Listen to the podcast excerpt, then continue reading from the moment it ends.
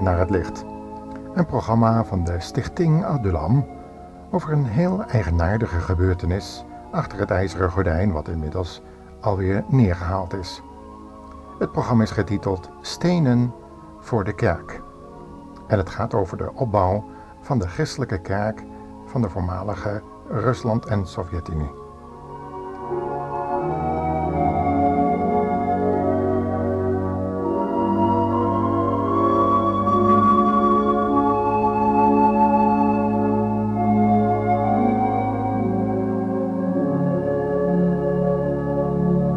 Buiten de stad stond nog altijd de raketbasis.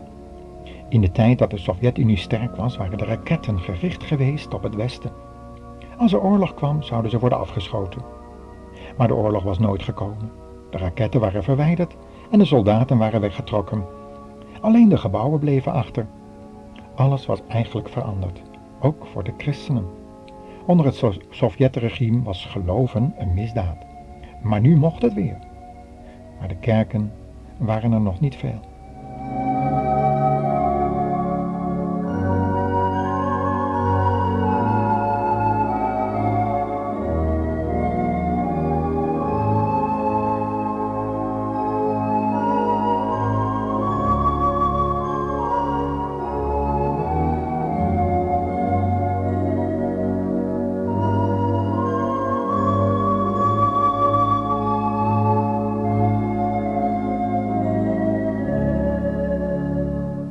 We willen een kerk bouwen, zeiden de mensen van een baptistengemeente in de stad. Goed, zei de regering, ga je gang. Maar hoe komen wij aan het bouwmateriaal? vroegen de baptisten. In het nieuwe Rusland was immers aan alles tekort. Die oude raketbasis moet toch worden gesloopt, zei de regering. Haal daar maar wat, wat je nodig hebt. Blij gingen de christenen aan de slag. Het was wel een enorme klus. De oude legerbasis moest steen voor steen worden afgebroken. En dat deden ze uiterst zorgvuldig, zodat er zo weinig mogelijk materiaal verloren zou gaan. Des te meer hielden ze over voor hun eigen kerk. Op een dag vond een van de slopers een granaathuls uit de Tweede Wereldoorlog. Het ding zat in een muur gemetseld. Tussen de stenen.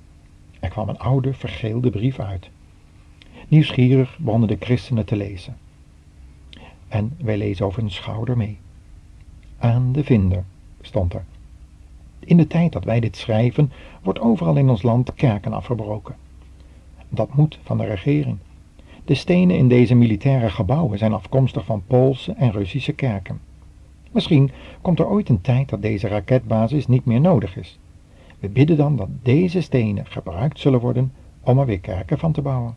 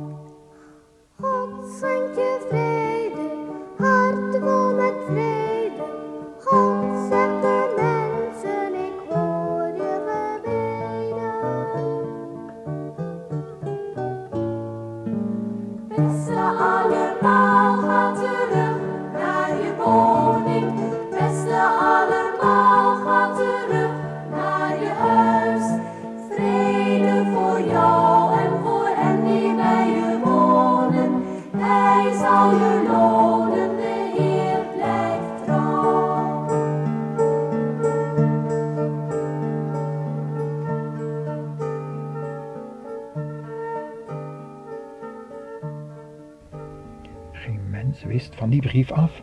Geen mens wist ook waar die stenen vandaan gekomen waren. Maar God wist het wel. Hij zorgde ervoor dat ze de juiste bestemming kregen. Stenen voor de kerk zou je dit programma kunnen noemen. En wat we zojuist gelezen hebben is een artikel uit het blad Opwekking.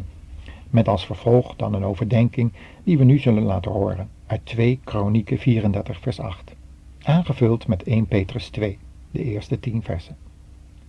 Deze waar gebeurde geschiedenis doet bedenken aan een gebeurtenis uit de tijd van de jonge koning Josia. Nu alweer zo'n 600 jaar voor Christus, toen het volk Israël onder zijn regering een enorme opwekking meemaakte. Tijdens de herbouw van de zwaar beschadigde en verwaarloosde tempel in Jeruzalem vond de toenmalige hoge priester Hilkia het oude, verloren gewaande wetboek van Mozes. Wellicht ergens tussen de verweerde stenen verborgen, tot er betere tijden voor het huis van God aangebroken waren. We lezen deze geschiedenis in 2 Kronieken 34, zoals al gezegd is. En in vers 11 leven we dan van die vondst. Wat was er aan vooraf gegaan? Namelijk dit. Josia, die had het volgende nodig. Gehouwen stenen en hout tot samenvoeging om de huizen te zolderen die de koning van Juda verdorven hadden. Wat betekent dat nu voor ons christenen van deze moderne 20ste eeuw? Hebben wij daar nog een les aan? Het laat ons zien dat wij als christenen eveneens toe zijn aan een grondige vernieuwing van de kerk, het nieuwtestamentische huis van God. Daarvoor zijn nieuwe stenen nodig en hout om dat huis weer een gezicht te geven voor de wereld om ons heen. Want we hebben ons gezicht als christen al lang verloren. De kracht van het christelijk geloof is iets lang verlogend, zoals Paulus dat ook aan Timotheus schreef. 2 Timotheus 3 vers 5, daar lezen we het immers. Ze zullen wel godsdienstig doen, maar de kern van het goede nieuws afwijzen. Ze zijn van het soort dat listig het huis van andere mensen binnendringt en vrouwen inpalmt, die zondigen en zich door hun begeerte laten heersen. Zulke vrouwen lopen altijd achter nieuwe leraars aan, zonder ooit zelf de waarheid te aanvaarden. En die leraars, die verzetten zich net zo hard tegen de waarheid als de tovenaars Jannes en Jambres, die zich tegen Mozes verzetten.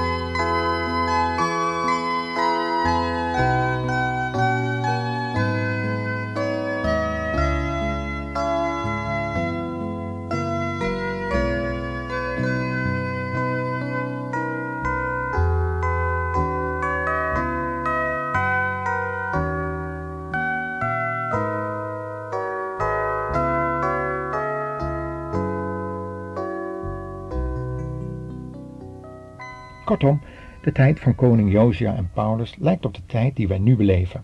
Eén van haar kracht beroofde kerk, die nodig aan restauratie en vernieuwing toe is. Nieuwe stenen moeten aangevoerd worden. En het is helemaal niet onmogelijk dat ook wij toe zijn aan het hervinden van oude waarheden uit dat boek van God, de Bijbel.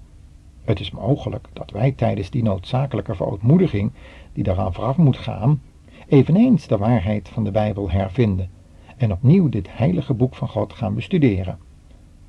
Dan komen we erachter dat we van alle kanten van Gods gedachten zijn afgeweken.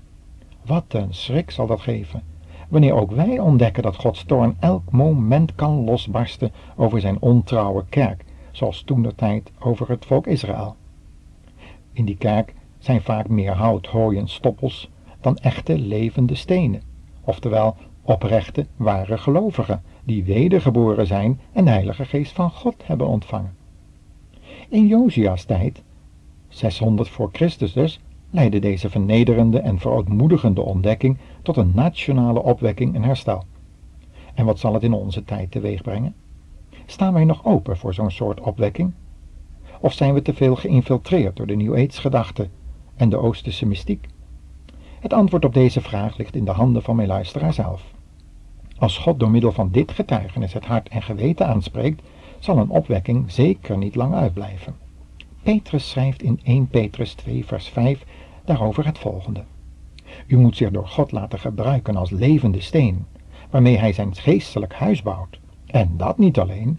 U moet ook de heilige priesters, die door Jezus Christus zo veranderd worden, zijn, dat zij geestelijke offers kunnen brengen, die voor hem aanvaardbaar zijn.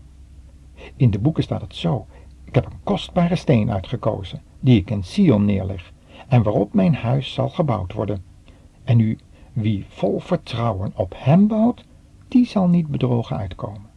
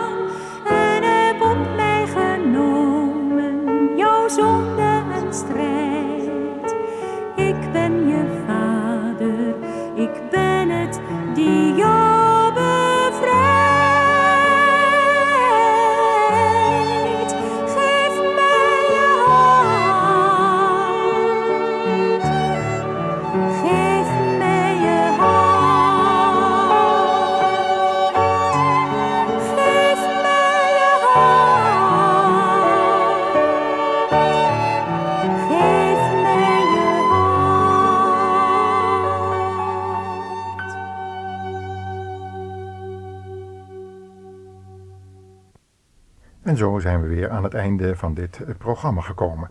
Mag u vragen, luisteraar? Bent u, ben jij al zo'n levende steen in dat geestelijk huis van God, de gemeente van Jezus Christus?